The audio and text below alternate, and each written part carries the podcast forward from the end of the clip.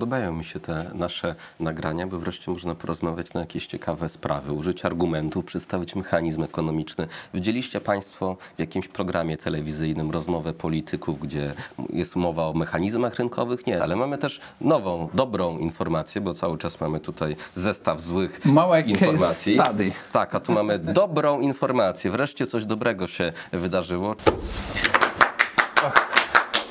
Z jednym cięciem.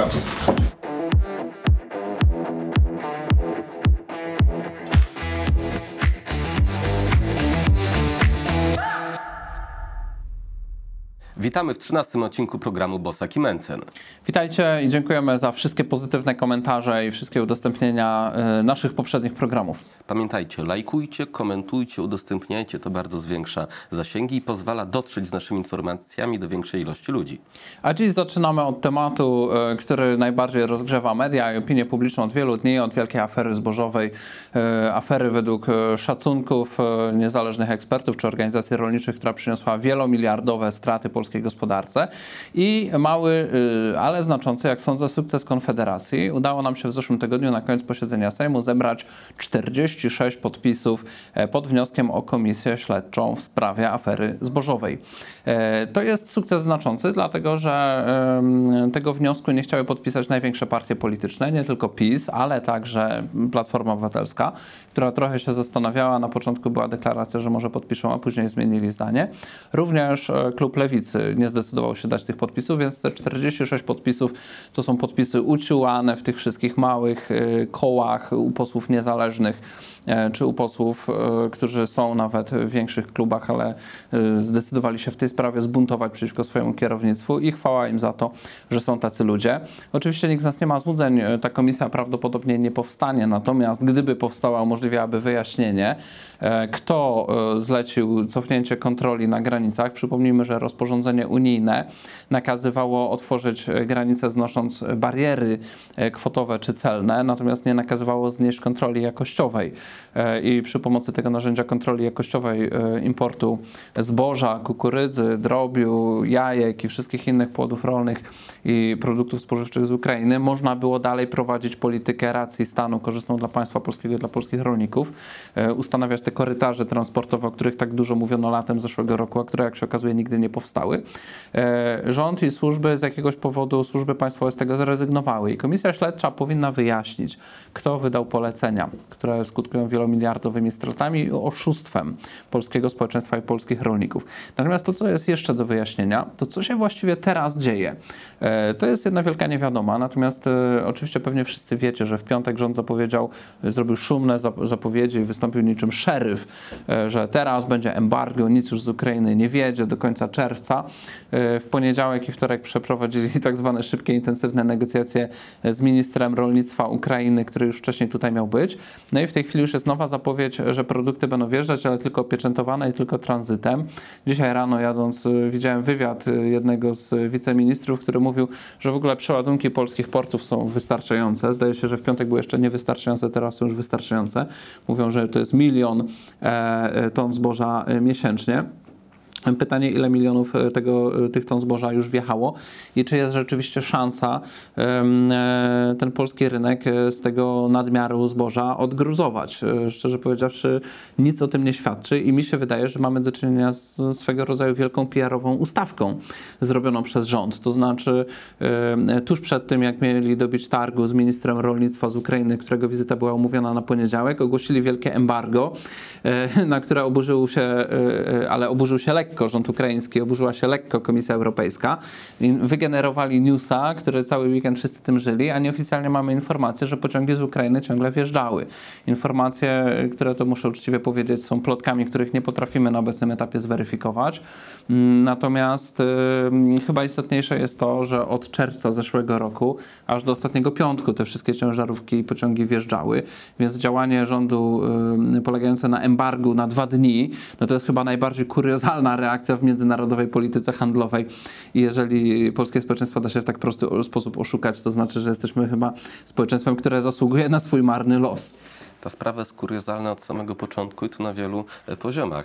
To ja często powtarzam na przykład, że ja nie wiem, co przyniesie przyszłość, nie mam szklanej kuli, nie wiem, co się będzie działo, ale okazuje się, że tu siedzący Krzysztof Bosak ma szklaną kulę i doskonale wie, e, co się będzie działo. Chodzą po Twitterze twoje tweety chyba z lipca zeszłego roku, gdzie dokładnie Krzysztof Bosak pisał, co się wydarzy i niespodzianka, e, to się wydarzyło. Potem wróciłeś do swoich zdolności przewidywania przyszłości. Pamiętam twój wywiad z rozmowę, debatę z Łukaszem Schreiberem, któremu tłumaczyłeś, że Co zrobi minister, tak, premier nim Morawiecki? kur trzy razy zapieje, to Mateusz Morawiecki wycofa się z obecnej e, polityki i będzie mówił, że pomagać to trzeba, ale mądrze. No i oczywiście to się w ciągu 24 godzin e, sprawdziło. Więc to jest, proszę Państwa, bardzo ważna rzecz, że co się wydarzy w przyszłości, to może mówić absolutnie każdy, ale lepiej słuchać tych, którzy już wielokrotnie pokazali, że wiedzą, co przyniesie przyszłość, że potrafią łączyć kropki, łączyć kropki i potrafią przewidywać pewne mechanizmy.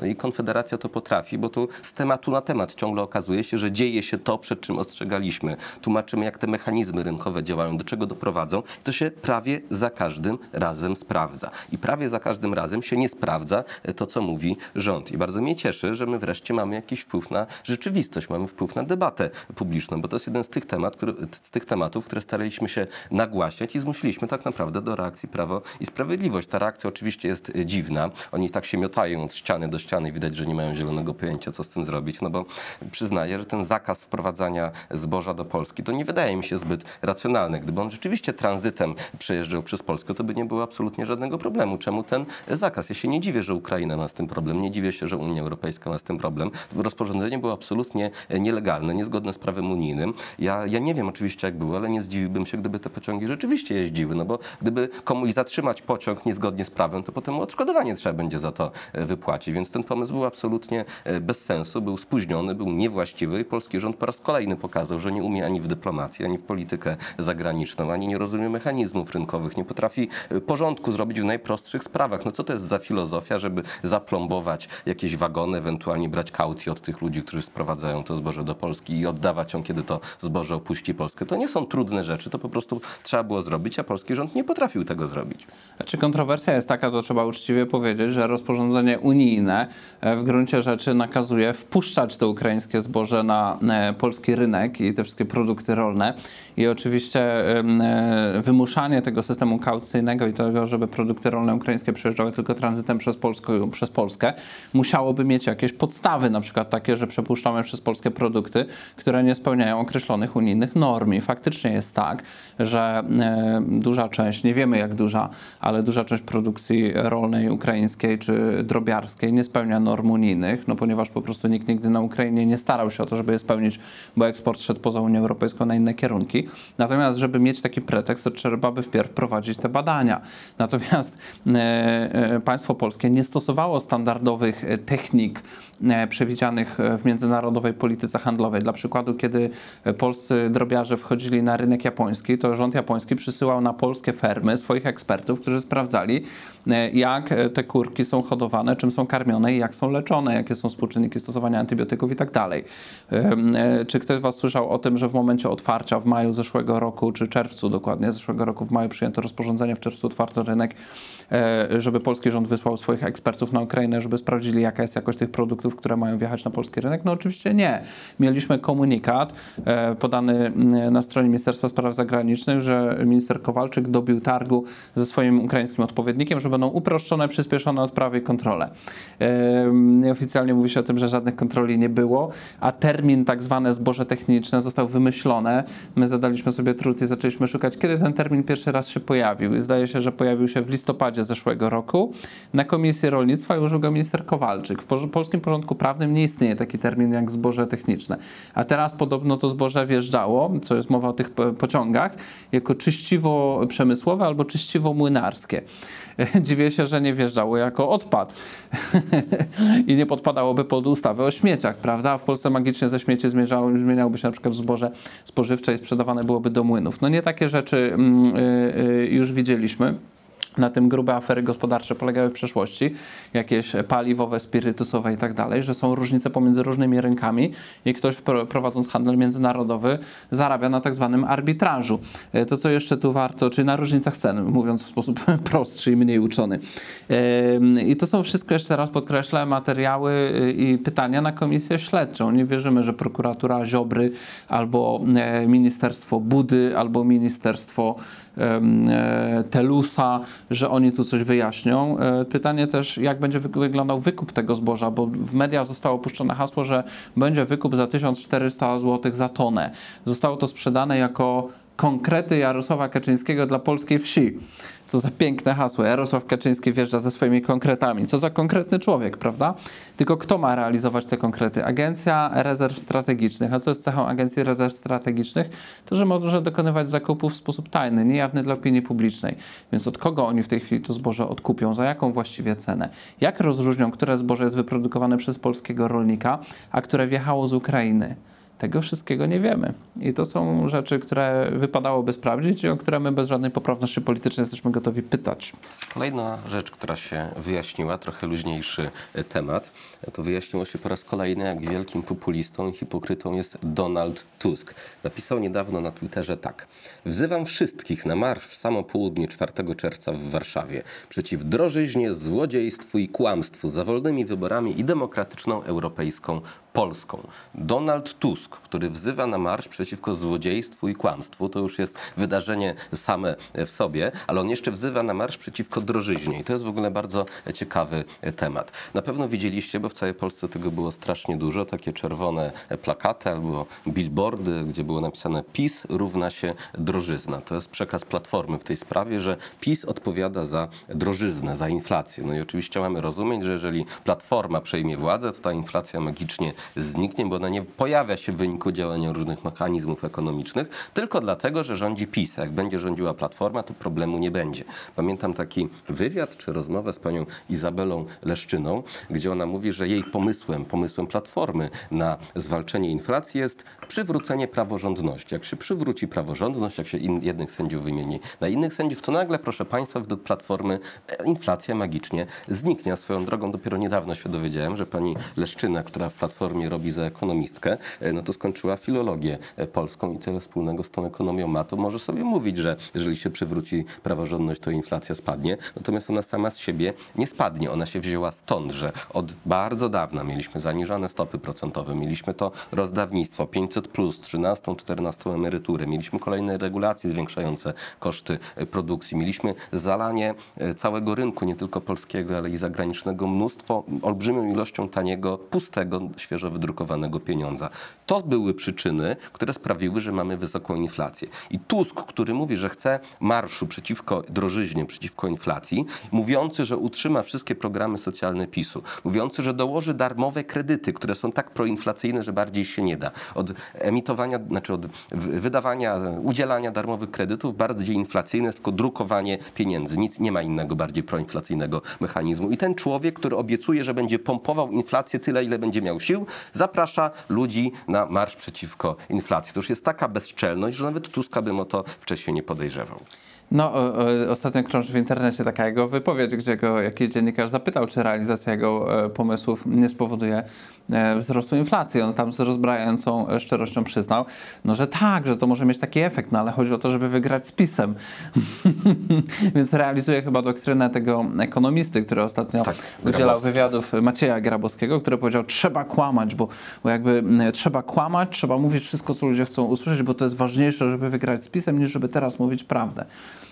No, to trzeba przyznać, że y, y, mimo doktryny, że trzeba kłamać, wystąpił z rozbrajającą szczerością. On tam w ogóle ciekawe rzeczy mówił. To był wywiad u Bogdana Rymanowskiego w Radiu Z, więc jego plan na kampanię dla Platformy był następujący. Po pierwsze trzeba kłamać, po drugie trzeba rozdawać pieniądze, bo lepiej jak Platforma rozdaje pieniądze niż jak PiS rozdaje pieniądze i po trzecie żadnych obniżek podatków, bo na to pieniędzy nie ma. Więc należy spytać pana Grabowskiego, jak to jest możliwe, że są pieniądze na nowe rozdawnictwo, a nie ma pieniędzy na obniżkę obniżkę podatków. Jak to jest w ogóle możliwe? Ja nie wiem, nie potrafię sobie tego wyobrazić. Ja nie wiem w ogóle, czy Maciej Grabowski nie utożsamia się z liberalizmem gospodarczym, tak na marginesie. Przynajmniej ja go zawsze kojarzyłem tak. jako ekonomistę liberalnego, co jest dobrym, e, powiedziałbym, uzupełnieniem do twojej debaty z Marcinem Chmielowskim, gdzie stwierdziłeś, że polscy liberałowie w wielu obszarach, szczególnie w trakcie lockdownów, pandemii się skompromitowali. Tu mamy kolejną odsłonę, niestety, yy, kompromitacji tym, tym razem tych, e, takiego ekonomicznego liberała, który e, de facto argumentuje za antyliberalnym czy nieliberalnym programem,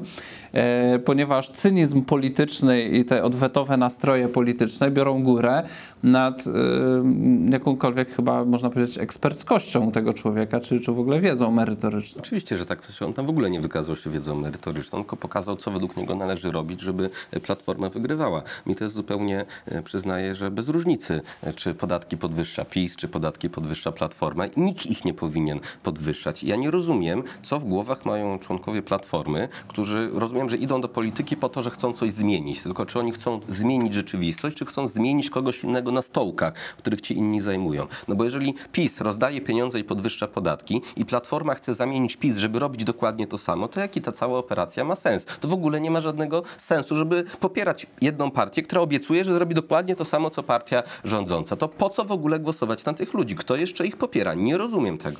Oni mają taką swoją metafilozofię polityczną, że teraz nie ma demokracji, jak oni będą rządzić, to będzie demokracja. I co ciekawe, nie jest zaskoczeniem, że jest to lustrzane odbicie filozofii pisowskiej, bo PiS uważa, że właśnie demokracja jest kiedy oni rządzą, a nie było jej wcześniej. No, e, e, idąc dalej z inflacyjnymi tematami, e, co byście zrobili, gdybyście chcieli inflację podbić? No, może na przykład wprowadzalibyście nowe regulacje, które spowodują nowe koszty. No i tak, właśnie jesteśmy w kwietniu i zaraz wejdą regulacje, o których mówiliśmy w jednym z pierwszych odcinków, czyli uchwalone w zeszłym roku e, obowiązki związane z certyfikatami energetycznymi. Więc wracamy do tematu i uprzejmie informujemy. Od 28 kwietnia możecie już ponieść nowe koszty. Spotyka Was ten przywilej. Możecie kupować świadectwa energetyczne dla swoich mieszkań, budynków. E, koszty są jakby imponujące, nie są to koszty błahe, więc będziecie mogli dołożyć swoją cegiełkę do tej inflacyjnej spirali.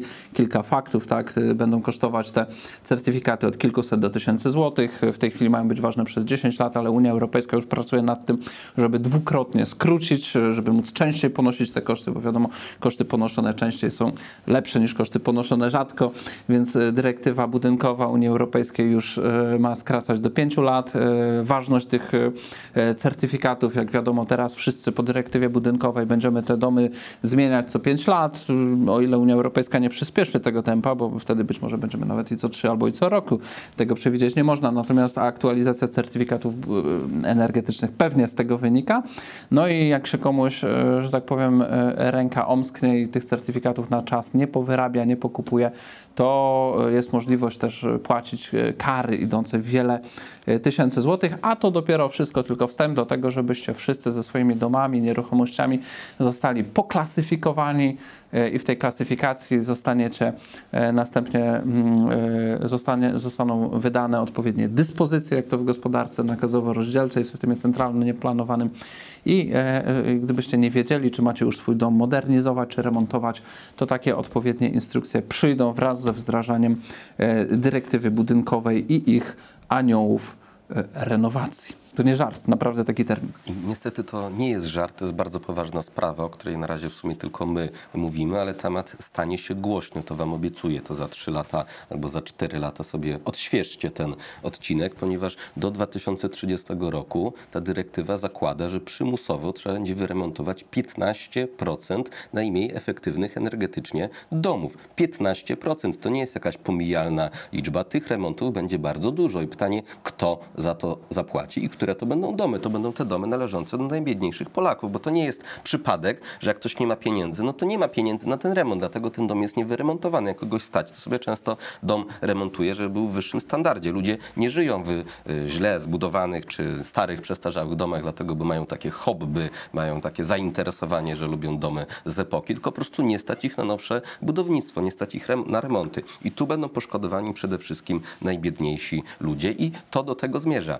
I jeszcze raz raz powtarzamy, ci ludzie nie łączą kropek, nie dawajcie im się oszukać. Oni mówią na przykład głośno, że mamy problem z rynkiem mieszkaniowym, bo mieszkania są za droższe, za drogie, albo mamy problem z inflacją, ceny idą w górę. Po czym przyjmują przepisy, które sprawią, że ceny jeszcze bardziej pójdą w górę, bo będzie trzeba doliczyć sobie koszt certyfikatu, trzeba będzie przymusowo wyremontować sobie dom albo mieszkanie, sprawić, żeby on będzie musiał spełniać dużo wyższe wymagania, będzie przez to droższy. Więc oczywiste konsekwencje są takie, że inflacja od tego będzie troszeczkę wyższa i dostępność mieszkań i domów będzie po prostu mniejsza, bo będą one droższe. To jest zupełnie oczywiste, ale ci ludzie nie łączą kropek. Jedną ręką głosują za podwyższaniem e, cen mieszkań, a drugą ręką machają, że ceny mieszkań są za wysokie. To jest paranoja.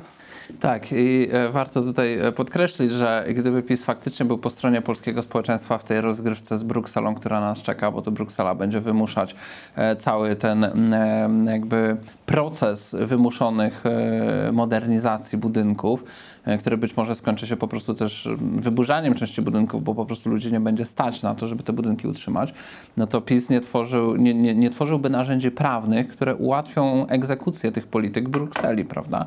Jeżeli PiS by się z tym nie zgadzał, to mógłby po prostu w tej sprawie nie robić na razie nic. Tymczasem PiS ewidentnie tutaj e, e, zmierza do, do, do realizacji tych, e, tych polityk i tworzenia po prostu kolejnych narzędzi. I jakby rozmawiałem z jednym znajomym, widać, że w Polsce ludzie dość lekko do tego podchodzą. Mówią, a wiesz, to będzie tak w Polsce jak zawsze, będzie trzeba kupić jakiś kwit, tam wejdziesz przez internet i, kupisz ten kwit i będzie z głowy. No nie do końca, to znaczy urzędnicy w Brukseli też nie są głupi, doskonalą te narzędzia swoje, żeby te polityki wymuszać. Nieprzypadkowo wymyśli, żeby w każdej jednostce samorządu terytorialne, terytorialnego był dział kontroli wdrażania tego, czyli ten tak zwany anioł renowacji.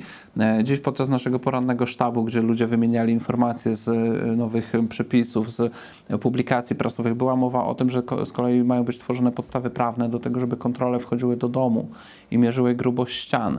Rozumiecie? Do domu grubość ścian mierzyć. To nas e, może czekać. Co nas jeszcze czeka? I znowu sprawdza się to, co mówiliśmy od jakiegoś e, czasu. Już od dawna e, powtarzaliśmy, że czeka nas niestety kampania wyborcza, w związku z czym politycy będą chcieli przekupywać wyborców ich własnymi pieniędzmi. E, Popraw mnie, jeżeli się mylę, ale teraz chyba posiedzenia Sejmu są tylko raz na miesiąc. Co do zasady. Bardzo dobra wiadomość, bo za każdym razem, kiedy Sejm się będzie zbierał do wyborów, będzie trzeba się łapać za kieszeń, bo będą uchwalali kolejne programy rozdawnictwa po to, żeby kupować sobie głosy.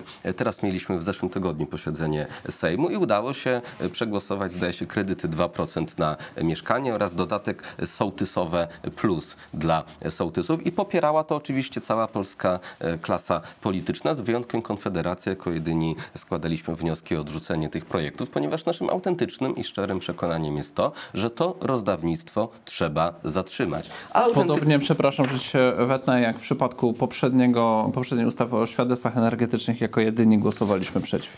Dokładnie, bo my jesteśmy jedyną prawdziwą opozycją względem tych wszystkich ludzi, względem PiSu, Platformy i Lewicy. Oni ciągną to państwo w jednym kierunku z niezwykłą determinacją. Dlatego wielkim skandalem jest to, że te wszystkie sondażownie media próbują nas sklejać z PiSem. Pokazują na podstawie sondaży, że jak tu dodamy głosy posłów do PiSu, a z drugiej strony jak dodamy głosy Lewicy, PSL-u do Platformy, to jeden z tych bloków ma większość albo drugi, co jest kompletnie bez sensu, bo to trzeba liczyć naszych posłów oraz tych wszystkich innych posłów jako drugi blok, bo to oni z głosowania na głosowanie popierają dokładnie te same e, projekty, którym my się sprzeciwiamy. Więc tu jest prawdziwa opozycja, konfederacja, a potem jest ta cała reszta, która głosuje za tym, żeby podwyższać podatki i zwiększać wydatki. I my się temu sprzeciwiamy. PiSowi jest dużo bliżej do Platformy, do Lewicy czy do PSL-u, a nie do nas. Programowo, oczywiście. E, I teraz e, idąc dalej w cyklu, taki cykl nam się robi tutaj newsów, prawda, pod rząd e, dotyczących podkręcania inflacji.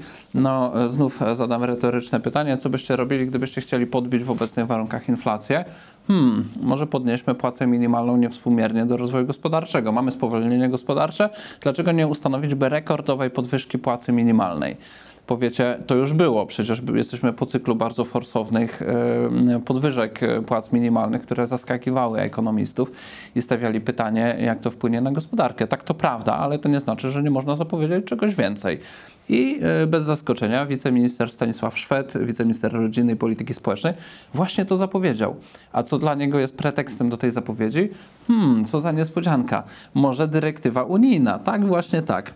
Zapowiedział, wdrożymy w całości dyrektywę o europejskiej płacy minimalnej. Dyrektywę, której jeszcze nie muszą wdrażać, e, która e, proponuje rozwiązanie, które ma być, e, zdaje się, dobrowolne, a w każdym razie z pewnością w tej chwili państwo polskie nie ma obowiązku jej wdrażać.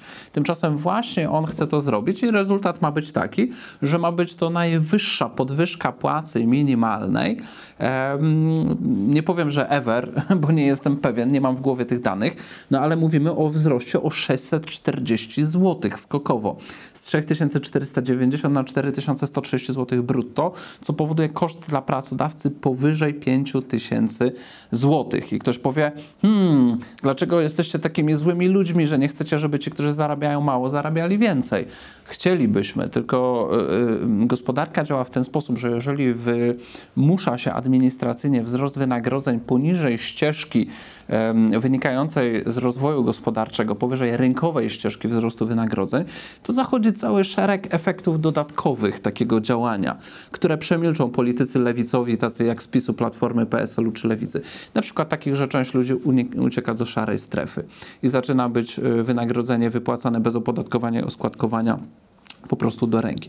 Na przykład w taki sposób, że część osób nie decyduje się tworzyć nowych miejsc pracy, bo nie stać ich na poniesienie tych dodatkowych kosztów. Na przykład taki, że fundusz, który mógłby równomiernie być rozdzielany pomiędzy pracowników i ten mechanizm działa i w sektorze prywatnym i publicznym, zaczyna być e, fundusz wzrostu wynagrodzeń, zaczyna być zużywany tylko na tych, którzy zarabiają najmniej, co, e, ponieważ po prostu ten fundusz nie jest z gumy. Jeżeli w jakimś przedsiębiorstwie, czy urzędzie, czy jednostce gospodarki publicznej jest pewien fundusz na wzrost wynagrodzeń i trzeba podnieść płacę minimalną niewspółmiernie wysoko, to wszystkie inne pensje stoją w miejscu. I to jest informacja, jaką mamy od wielu samorządowców, że e, oni od dobrych kilku lat podnoszą wynagrodzenia tylko tym, którzy mają najniższe kwalifikacje, ponieważ to ich prawo zmusza, a nie zmusza ich do podniesienia pozostałym. I skutkuje to utratą konkurencyjności, która już nastąpiła dawno temu, ten pociąg odjechał, utratą konkurencyjności miejsc pracy w sektorze publicznym. To znaczy coraz mniej kompetentne osoby są tam zatrudniane. Ale ten sam mechanizm może działać też w sektorze prywatnym. I ostatnia rzecz, utrata konkurencyjności całej gospodarki w relacji do sąsiadów. Oczywiście najbardziej to zauważymy w obszarach przygranicznych, gdzie niektórzy przeniosą swoje działalności czy usługi e, na drugą stronę granicy, gdzie te przepisy nie będą obowiązywały, ale w skali całej, e, całego rynku wewnętrznego unijnego to będzie po prostu skutkowało alokowaniem inwestycji w innych państwach niż w Polsce. Tym bardziej, że koszty energii mamy niekorzystne, prawo podatkowe mamy skomplikowane, no to dorzućmy do tego jeszcze niekorzystne wynagrodzenia. Dlaczego nie? Na rynku pracy działają dokładnie te same prawa ekonomii, co na każdym innym rynku. Tam działa prawo popytu i podaży, tam mamy jakąś cenę rynkową. Ingerencja w ten mechanizm niestety prowadzi do samych negatywnych i szkodliwych dla gospodarki, ale też dla ludzi zjawisk. Tu nie ma żadnego wyjątku, rynek pracy od niczego się nie różni ta, od innych rynków. Ta dyrektywa europejska zakłada, że płaca minimalna ma wynosić 60% wynagrodzenia średniego, w wyniku czego zostanie wprowadzony taki automatyzm, no bo podwyższamy wy- wynagrodzenie minimalne, przez co prowadzimy do zwiększenia wynagrodzenia średniego, więc w kolejnym roku znowu musimy jeszcze bardziej podnieść wynagrodzenie minimalne, to będzie taka pętla. Teraz nie ma nic złego i w zasadzie z punktu widzenia ekonomicznego płaca minimalna nie jest szkodliwa, pod warunkiem, że nie jest powyżej poziomu płacy rynkowej dla stanowiska dla osoby niewykwalifikowanej. Każdy w pewnym momencie jest osobą niewykwalifikowaną, póki jeszcze nie umie czegoś zrobić. Tak idzie do pierwszej pracy po to, żeby się nauczyć. To jest zupełnie normalne, że jedni zarabiają więcej, ci co mają większe doświadczenie, lepsze umiejętności, a niektórzy zarabiają mniej. Tak po prostu świat jest skonstruowany i tak być musi. Tylko co się wydarzy, jeżeli za szybko podniesiemy wynagrodzenie dla tych osób niewykwalifikowanych? To jest taka metafora, że jeżeli komuś chcemy podnieść płacę minimalną, żeby wszedł szybciej po tych szczeblach, nie wiem, kariery, po tej drabinie, to po prostu usuwamy z tej drabiny te pierwsze szczebelki, przez co trudniej będzie mu się dostać wyżej. Wzrost płacy minimalnej ma najgorsze e, konsekwencje dla osób najmniej wykwalifikowanych, bo one po prostu mogą nie dostać takiej pracy. Czyli wtedy mamy alternatywę. Albo ktoś w ogóle nic nie zarobi i będzie żył z jakiejś pomocy społecznej, albo zarobi tą płacę starą minimalną. To jest coś dobrego, jeżeli podwyższamy tą płacę, sprawiamy, że przedsiębiorca się dwa razy zastanowi. Jeżeli dla osoby niewykwalifikowanej, która jeszcze nic nie umie, trzeba wydać razem z ZUS-em 5 tysięcy złotych, no to nie każdy będzie chciał takie miejsca pracy tworzyć. A ci, co stworzą, no to koszty tego przerzucą na klientów i znowu będziemy narzekali, że wszystko jest droższe, a to z tego powodu będzie droższe. To jest pierwszy y, problem. Uderzamy w osoby najmniej wykwalifikowane. Drugi problem, o którym też już Krzysztof powiedział, uderzamy w osoby trochę bardziej wykwalifikowane, bo podniesienie płacy minimalnej sprawia, że zostanie spłaszczona siatka wynagrodzeń i osoby, które wcześniej zarabiały no, średnio więcej niż osoby najmniej wykwalifikowane, teraz będą zarabiały niewiele więcej i będą się czuły poszkodowane i będą miały rację. Co więcej, spłaszczenie siatki wynagrodzeń sprawia, że nie opłaca się starać, nie opłaca się uczyć, bo po co ja mam, nie wiem, więcej, ciężej pracować, po co mam chodzić na jakieś szkolenia, po co mam rozwijać swoje kompetencje, jeżeli prowadzi to do tego, że zarabiam tyćkę tylko więcej niż ktoś, kto w ogóle się nie uczy, w ogóle się nie stara, któremu państwo gwarantuje jaki poziom wynagrodzenia. To jest szkodliwe dla całej gospodarki. Jeszcze przypominam, że przypadkiem udało się Kaczyńskiemu spełnić swoją obietnicę z 2019 roku, bo on wtedy obiecywał, że podniesie chyba do 2023 płacę minimalną do 4000 zł. Pamiętam, że śmiałem się wtedy z niego, że chyba nam hiperinflację zamierza uruchomić, skoro tak wysoka będzie płaca minimalna i nikt wtedy nie przewidywał, że oni rzeczywiście to zrobią. Uruchomili bardzo wysoką inflację i udało się spełnić e, zapowiedź wyborczą z 2019 roku, że płaca minimalna przekroczy 4000 zł. Tak udało się PiSowi zepsuć naszą gospodarkę, że stało się to możliwe. To, co robi e, PiS, jeżeli chodzi o płacę minimalną, e, tak szybkie jej podnoszenie, to ma skutek proinflacyjny. To jest jeden z elementów gigantycznej drożyzny, z którą się ostatnio mierzymy. My podczas konferencji prasowej na ten temat e, ze Stanisławem Tyszką e, przedstawiliśmy przykłady pokazujące, że państwa europejskie są zróżnicowane pod tym względem. W niektórych państwach, e, całkiem różniących się od siebie, takich jak na przykład Szwecja czy Włochy, w ogóle nie ma w takim modelu prawnym jak w Polsce płacy minimalnej. Są na przykład minimalne płace, ale sektorowe, co może być bardziej racjonalne. Ja kiedyś w wystąpieniach na ten temat zwracam uwagę, że ze względu na zróżnicowanie regionalnych rynków prawnych, być może bardziej zasadne byłyby płace minimalne właściwe dla konkretnych regionów. Przecież różnice w wynagrodzeniach są bardzo duże, zależnie od stopnia urbanizacji czy stopnia uprzemysłowienia. E, I to może działać na niekorzyść e, regionów słabiej rozwiniętych, o czym się w ogóle nie mówi. E, Może działać antyrozwojowo dla regionów słabiej rozwiniętych i wpychać tych, którzy chcą tam prowadzić efektywną ekonomicznie działalność gospodarczą w szarą strefę, co jest dodatkowym kosztem, dlatego że jest większym ryzykiem, jest bardziej skomplikowane prowadzić działalność częściowo nielegalnie niż normalnie i legalnie. I nikt na to w ten sposób nie patrzy. Jeszcze jedną rzecz chciałem tutaj dodać. Yy, Zainspirowała mnie wypowiedź Sławka właśnie o tych ekonomicznych aspektach, yy, pociągnąć ten wątek. To znaczy, jak to w ogóle jest możliwe, że jesteśmy w takiej sytuacji? Otóż lewicowe myślenie przesączyło wszystkie partie polityczne. Na czym polega lewicowe myślenie? Lewicowe myślenie polega na tym, że nierówności są zawsze czymś złym, w związku z czym politycy powinni zmierzać. Jest to jakby taka niepisana zasada, którą wszyscy wydają się akceptować. Politycy powinni po prostu zmierzać do redukowania poziomu nierówności. Jak popatrzycie na to, co piszą modni ekonomiści o takiej, jak oni to by nazwali, progresywnej orientacji, no to oni właśnie będą tam sobie wpisywać swoje biogramy, że nierówności to jest ich temat, który ich interesuje. Czyli to jest taki sygnał, jestem ekonomistą głównego nurtu o lekko lewicowej orientacji i piszę na modne tematy. E, W skrócie, to oni komunikują. I teraz e, ten paradygmat jest taki, że zawsze zmniejszanie nierówności to jest coś dobrego, no bo jakby żebyśmy mieli wszyscy równe szanse i tak dalej równe szanse powinny być e, do, do rywalizacji na rynku pracy i do robienia, e, e, jakby e, do, do wyceniania swoich zdolności i swojej pracy. Natomiast jeżeli e, administracyjnie e, te nierówności zredukujemy, to e, znika na rynku e, coś, co się nazywa informacyjną funkcją cen. Bo czym jest praca i e, zróżnicowanie wynagrodzeń? Jest przepływem informacji na rynku pracy co do tego, jak wyceniana jest która praca. I w teorii ekonomicznej jest takie pojęcie, że ceny mają funkcję informacyjną. Zróżnicowanie wynagrodzeń to nic innego niż funkcjonowanie systemu cen na rynku pracy.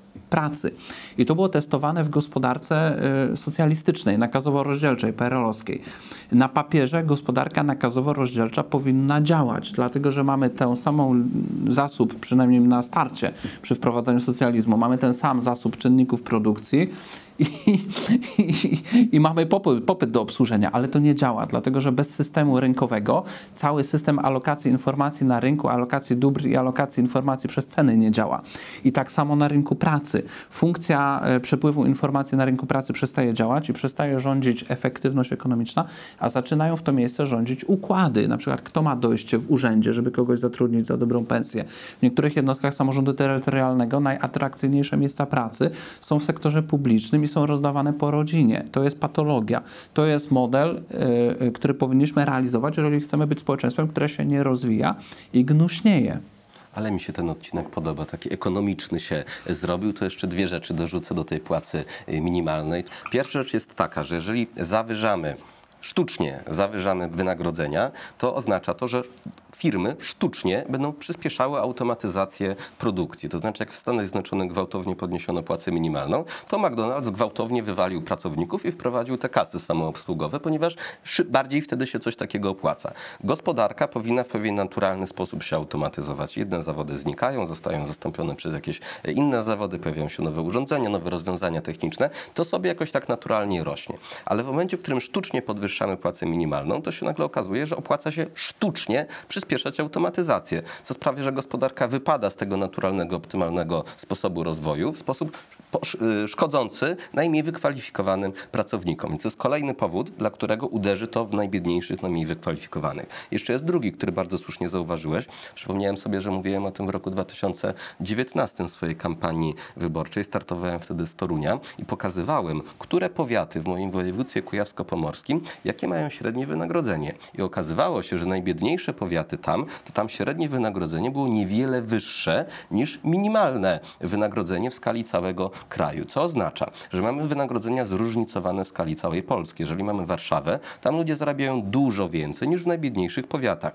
Jeżeli robimy jedną płacę minimalną dla całej Polski, to nagle się okazuje, że w takim powiecie to już w ogóle się nikogo nie opłaca e, zatrudnić, bo tam to wynagrodzenie minimalne przekroczyłoby stare wynagrodzenie średnie, tak? Więc inwestor wtedy stamtąd znika, bo on tam inwestuje dlaczego? Dlatego, że tam jest słaba infrastruktura, dlatego, że tam jest słaby dostęp do pracowników wykwalifikowanych, że tam dojechać daleko z autostrady. Nie, inwestuje tam dlatego, bo tam można taniej coś wyprodukować, bo ludzie tam mniej zarabiają. Jeżeli ci ludzie mają tyle samo zarabiać, co w Warszawie, to tej inwestycji po prostu tam nie będzie, bo można y, zainwestować od razu w Warszawie, gdzie ma się dostęp do lepszego rynku pracy oraz lepszej infrastruktury. I to niestety są y, konsekwencje zupełnie oczywiste, które sprawiają, że te lewicowe, socjalistyczne, etatystyczne pomysły jak zwykle uderzają w ludzi najbiedniejszych. Lewica cały czas ma usta pełne frazesów, jak ona to się troszczy o najbiedniejszych, a jej pomysły właśnie w najbiedniejszych uderzają. To już zauważył w XIX wieku Aleksander hrabia Fredro, że socjalizm wszystkim równo nosa utrze, biednych zniszczy dzisiaj, bogatych pojutrze.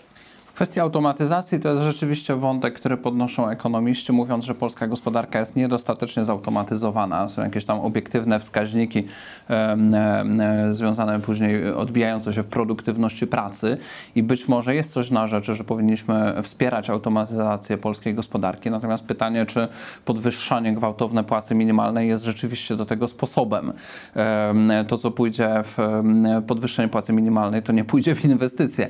E, Gdybym ja miał możliwość kierować politykę gospodarczą, raczej zastanowiłbym się nad tym, jakie rozwiązanie może zachęcić firmy do tego, żeby inwestować w automatyzację, a nie, a nie podnieść im e, e, koszty e, pracy. Mm, A w nawiązaniu do tego, co powiedział Sławek o mniejszych miastach, w których rynek pracy jest słabiej rozwinięty, wydaje mi się, że politycy PiSu czy Lewicy nie rozumieją takiej prostej prawidłowości ekonomicznej, polegającej na tym, że żeby stworzyć jakieś miejsce pracy, ono ma pewien koszt i w danej działalności gospodarczej po prostu y, y, musi być generowany taki dochód, który umożliwia pokrycie tego kosztu.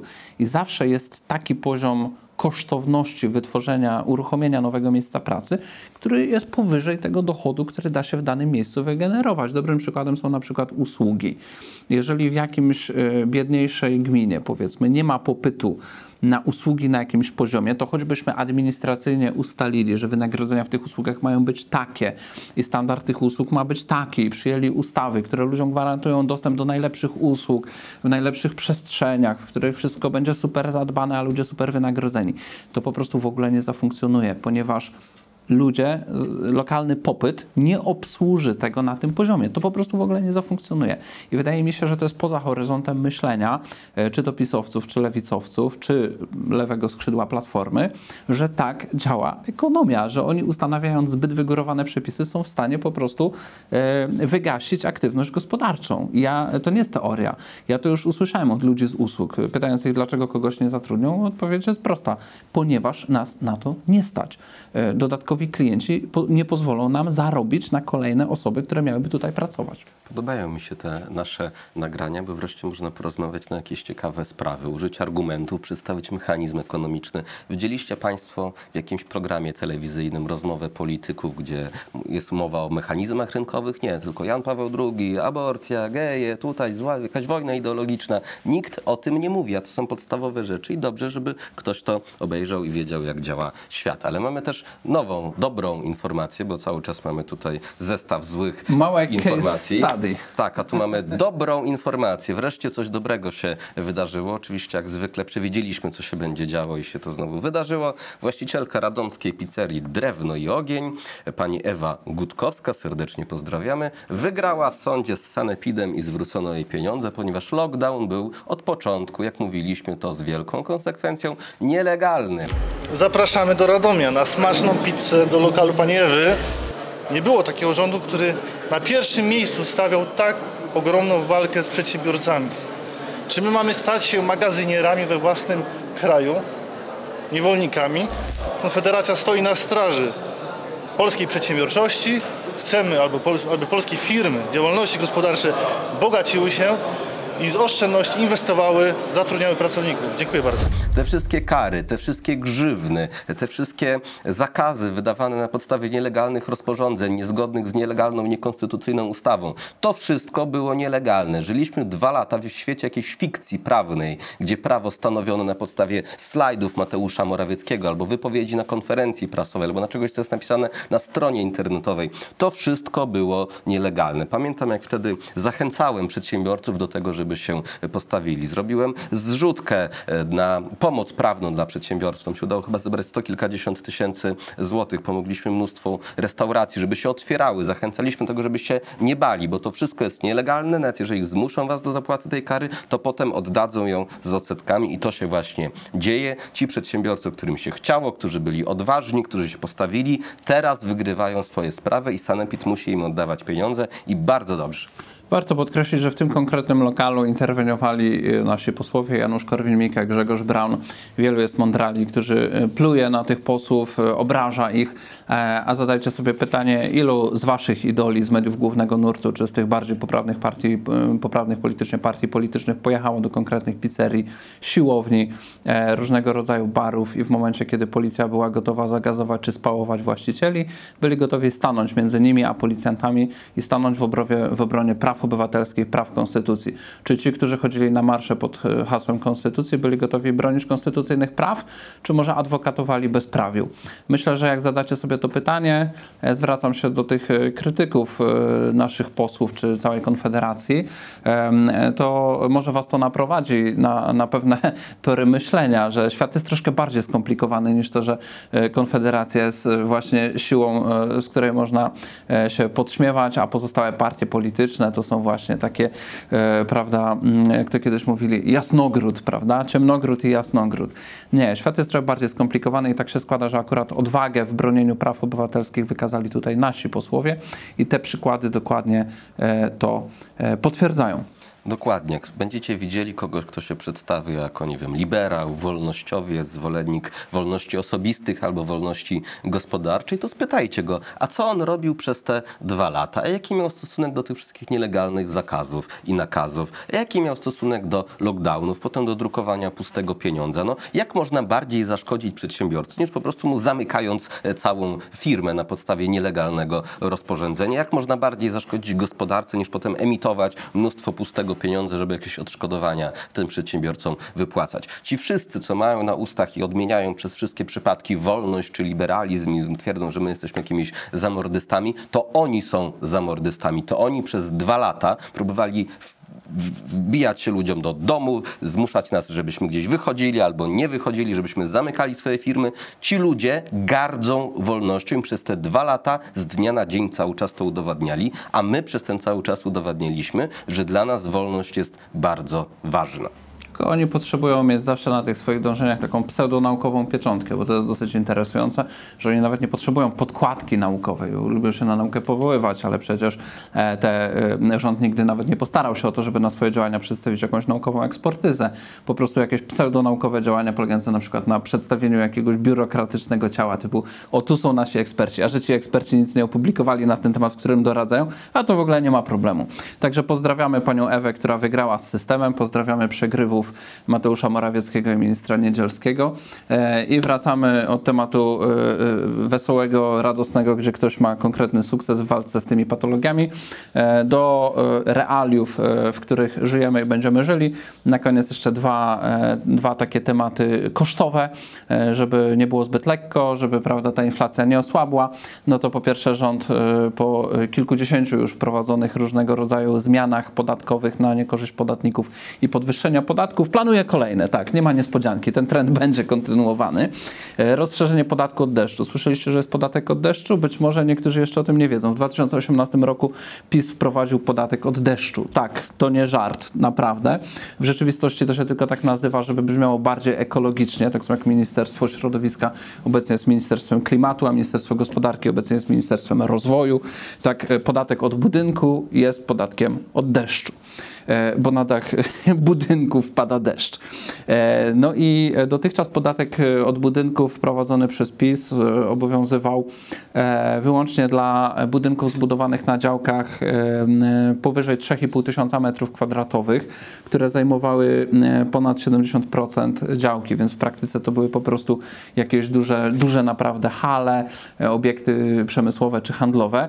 Mm, e, Nikt się nie będzie ujmował za dużym biznesem, prawda? Niech płacą, są bogaci, niech płacą. No ale jak jakiś mechanizm, to jest taka prawidłowość, jak jakiś mechanizm zadziałał z dużego biznesu, zawsze można go przenieść na mniejszy, a później na wszystkich obywateli. I dokładnie w tej chwili rząd to planuje. Mamy informację z serwisu Murator Plus, warto czytać branżowe media, że już jest projekt przygotowany rządowy, polegający na tym, że ten podatek będzie rozszerzony z budynków stojących na działkach 3600 m2 zabudowanych w 70% na działki powyżej 600 m2 zabudowane w 50%. I e, nie trudno, nie trzeba być tu jakimś nieruchomościowym geniuszem, żeby zauważyć, że wchodzą w to już działki budowlane, działki e, mieszkaniowe mniejsze, na których na przykład stoi zabudowa szeregowa, na których może będą stały jakieś e, inne e, budynki. E, Także szykujcie, e, szykujcie pieniądze, e, szykujcie pieniądze na rozszerzony podatek od deszczu. I tam jeszcze jest jeden aspekt tej sprawy, ponieważ to nie jest tak, że wy, tylko wy nie słyszeliście o podatku od deszczu. Bardzo często urzędnicy również o nim nie słyszeli, a to lokalni urzędnicy mieli go pobierać. W związku z czym y, rząd się zorientował, że jest podatek, a wpływów nie ma tyle, ile powinno być, a że podatki się przedawniają po pięciu latach, to mają teraz robić taką zmasowaną akcję kontroli, żeby sprawdzić, kto nie płacił tego podatku, a powinien był go płacić i teraz zapłaci za 5 lat plus odsetki, bo wcześniej nikt tym ludziom też nie powiedział, że trzeba płacić taki podatek, bo oni wprowadzają tyle tych e, przepisów, nikt tego nie czyta, nikt tego nie, nie analizuje, bo nie ma na to czasu. Potem 5 lat później nasze państwo się przypomina sobie, że my wprowadziliśmy podatek, tylko zapomnieliśmy o nim, to teraz go zabierzemy To też podobnie po jak w poprzednim latach. odcinku mówiliśmy o uldze Tak, jest. mieszkaniowej. To jest stały patent naszego rządu, że wchodzimy z kontrolą po pięć, przed upływem piątego roku, bo wtedy się jeszcze podatek nie przedawnił, to możemy go ściągnąć i naliczyć od razu odsetki za 4 lata. Gdyby poszli, przyszli po roku, no to odsetki byłyby tylko za rok. Więc co to za interes? Lepiej przyjść po 4 latach. Muszę też powiedzieć, że ja trochę w życiu w podatkach siedziałem. Potrafię, tak myślę, że bez żadnego przygotowania wymienić kilkadziesiąt podatków z głowy, e, czy składek, czy różnego rodzaju opłat, ale stawiam tezę, że nie ma nikogo w Polsce, kto jest w stanie wymienić wszystkie opłaty, tematy podatki i składki. Sądzę, że tego jest grubo ponad 100. Ktoś chyba kiedyś podjął taki trud i nie pamiętam, czy przez Biuro Analiz Sejmowych, czy przez innego tego rodzaju organizację zapytał, ile w Polsce w sumie mamy wszystkich opłat, podatków i składek, bo chciał mieć taką listę. Dostał bardzo długą listę, na której było ponad 100 pozycji, a samo pismo kończyło się informacją, że pewnie są jakieś inne, ale nie jesteśmy w stanie ich znaleźć, bo to zbyt skomplikowana materia. W związku z czym w Polsce nie wiadomo, ile mamy podatków, opłat i składek. Wiemy tylko, że ta liczba niestety bardzo szybko rośnie. Tak, a z tematów podatkowych i składkowych e, e, warto też e, jednym okiem śledzić nie tylko to, co robi rząd, ale śledzić to, co robi Unia Europejska, bo tam ciągle dopinają nowe regulacje, które będą podnosić koszty naszego życia, żeby inflacja nie zwolniła, żeby koszty nie były zbyt łatwe do uniesienia. Unia Europejska o to się troszczy. Tym swoim opiekuńczym uściskiem obejmie też nasze społeczeństwo. I warto wiedzieć, bo w tym tygodniu Parlament Europejski przyjmował regulacje, które wcześniej przechodziły e, przez Radę Unii Europejskiej. Głosowali za tym europosłowie e, Ko- Koalicji Obywatelskiej Lewicy, PSL-u, Polskiej 2050, a wcześniej e, w ramach pakietu Fit for 55 to wszystko poparł rząd PiSu. I mamy tu na myśli wdrażanie, wdrażanie pakietu Fit for 55, e, konkretnie reforma systemu ETS, będą znikać bezprawne uprawnienia do emisji, takie uprawnienia obecnie dostawały państwa i je sprzedawały. Na przykład rząd w tej chwili jest informacja, że już sprzedał uprawnienia na ten rok i z tego różne świadczenia socjalne sfinansuje.